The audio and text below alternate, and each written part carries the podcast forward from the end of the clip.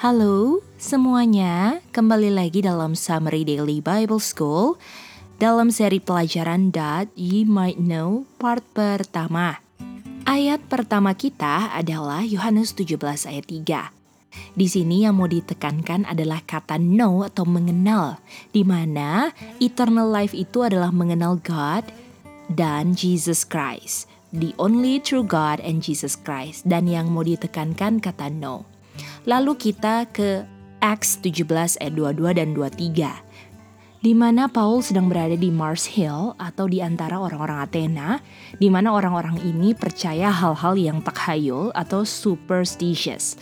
Dan orang-orang Athena ini membuat altar di mana ada tulisannya to the unknown God. Artinya orang-orang Athena ini menyembah God yang mereka nggak kenal dan ini bertentangan sekali dengan Yohanes 17 ayat 3. Artinya orang-orang Athena ini nggak bisa mendapatkan eternal life karena mereka tidak mengenal God atau memworship the unknown God. Nah, Lalu kita ke Mazmur 101 ayat 3. Dikatakan di sini saya nggak mau meletakkan di depan mata saya sesuatu yang wicked Sedangkan orang-orang di Athena sedang menaruh hal yang wicked di depan mata mereka, yaitu di unknown God. Dan kata lain, wicked ini adalah worthless atau sesuatu yang sia-sia. Artinya orang-orang Athena sedang menempatkan di depan mata mereka unknown God sehingga tidak dapat eternal life dan itu adalah hal yang worthless, sia-sia dan tidak ada nilainya, tidak ada artinya dan itu adalah sesuatu yang wicked. Berbeda dengan di Yohanes 17:3 yang no God, ya, artinya itu nggak sia-sia atau ada nilainya. Oleh karena itu ayat yang kita ingat adalah Filipi 4 ayat 8 di mana bukan hal-hal wicked yang kita pikirkan di sini, tetapi hal yang benar, hal yang jujur, hal yang just, yang murni, lovely, indah, good report, ataupun hal yang berbicara tentang kuasa Tuhan atau memuji Tuhan, ini kita harus pikirkan. Artinya, ketika saya bilang saya mau taruh di depan mata saya hal yang baik dan gak mau yang wicked ditaruh depan mata saya, artinya saya sedang memikirkan hal itu, hal tersebut. Ya, jadi arti kesimpulannya sampai Filipi 4 ayat 8 adalah semua yang ada di depan mata saya entah itu wicked ataupun yang good itu hal-hal yang saya pikirkan. Kalau orang-orang Athena memikirkan the unknown God yaitu hal yang wicked hal yang sia-sia. Sedangkan kalau kita memikirkan atau meletakkan di depan mata saya, Filipi 4 ayat 8 itu artinya saya mengenal God. Itu dia. Nah, lalu kita ke 2 Korintus 3 ayat 18 ya. Di sini ketika kita memikirkan sesuatu, kita pasti melihat hal tersebut ya kita lihat, kita behold. Dan di sini yang kita behold adalah glory, ya. Ketika saya beholding the glory of God, saya sedang pikirkan yang good atau meletakkan yang good di depan mata saya atau saya know God. Dan ketika saya behold the glory of God, saya diubahkan lebih mirip image of God. Sedangkan kalau saya menempatkan di depan mata saya hal-hal yang bukan Filipi 4 ayat 8 atau tidak berhubungan dengan glory, saya melihat yang wicked, saya akan menjadi orang yang wicked di Daniel 12 ayat 10 dan saya nggak akan bisa mengerti. Sedangkan yang kebalikannya bila saya pikirkan, saya meletakkan di depan mata saya yang good atau saya Behold the glory of God, saya kebalikan wicked yaitu wise shall understand. Daniel 12 ayat 10.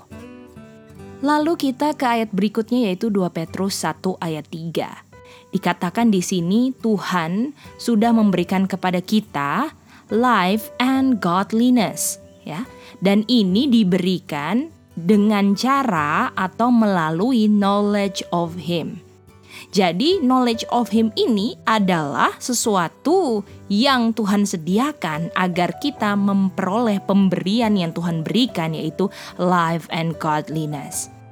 Dan knowledge of him ini bukan sesuatu yang sia-sia atau ini sangat ada nilai dan berarti.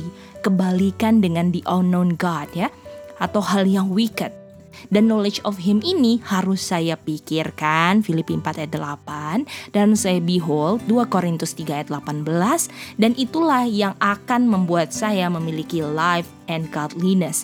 Atau saya bisa menerima life and godliness. Ya.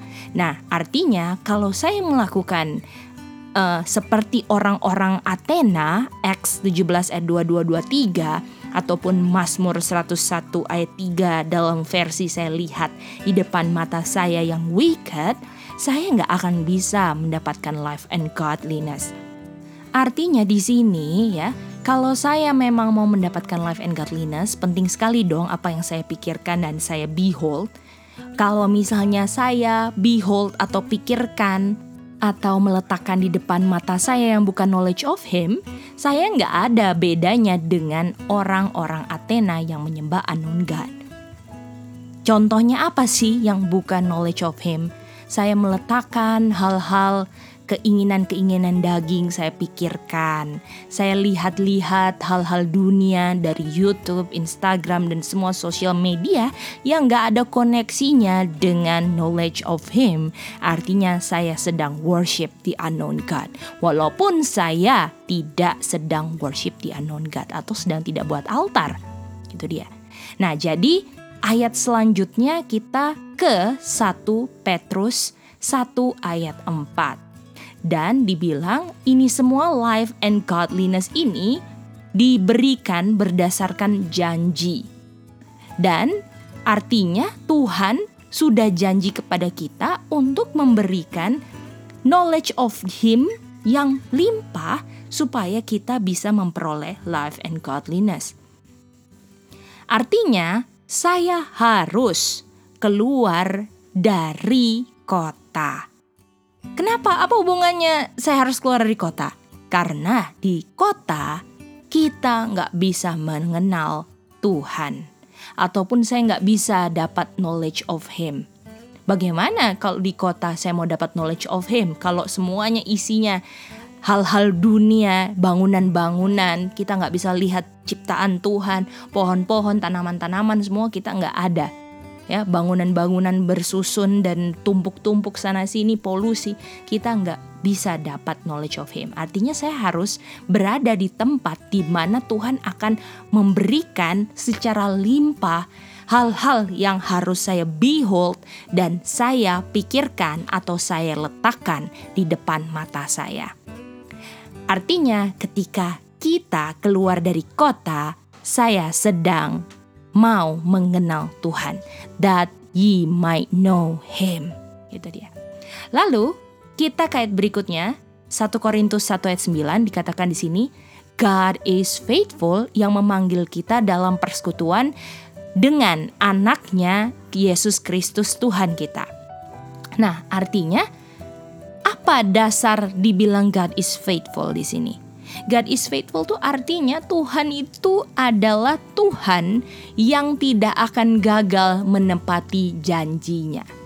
Artinya orang yang gak tahu Tuhan itu selalu faithful menepati janjinya. Kalau Tuhan bilang kamu harus keluar dari kota, Tuhan akan menepati janjinya untuk supply apa pun yang kita perlukan untuk bisa menjalankan janji Tuhan. Artinya orang yang nggak tahu gadis faithful itu tidak akan keluar dari kota. Artinya Abraham keluar dari Ur Kasdim ke tempat di mana yang dia tidak tahu ke mana harus pergi, itu karena Abraham sangat mengenal bahwa God is faithful. Tuhan sangat setia dalam menepati janjinya.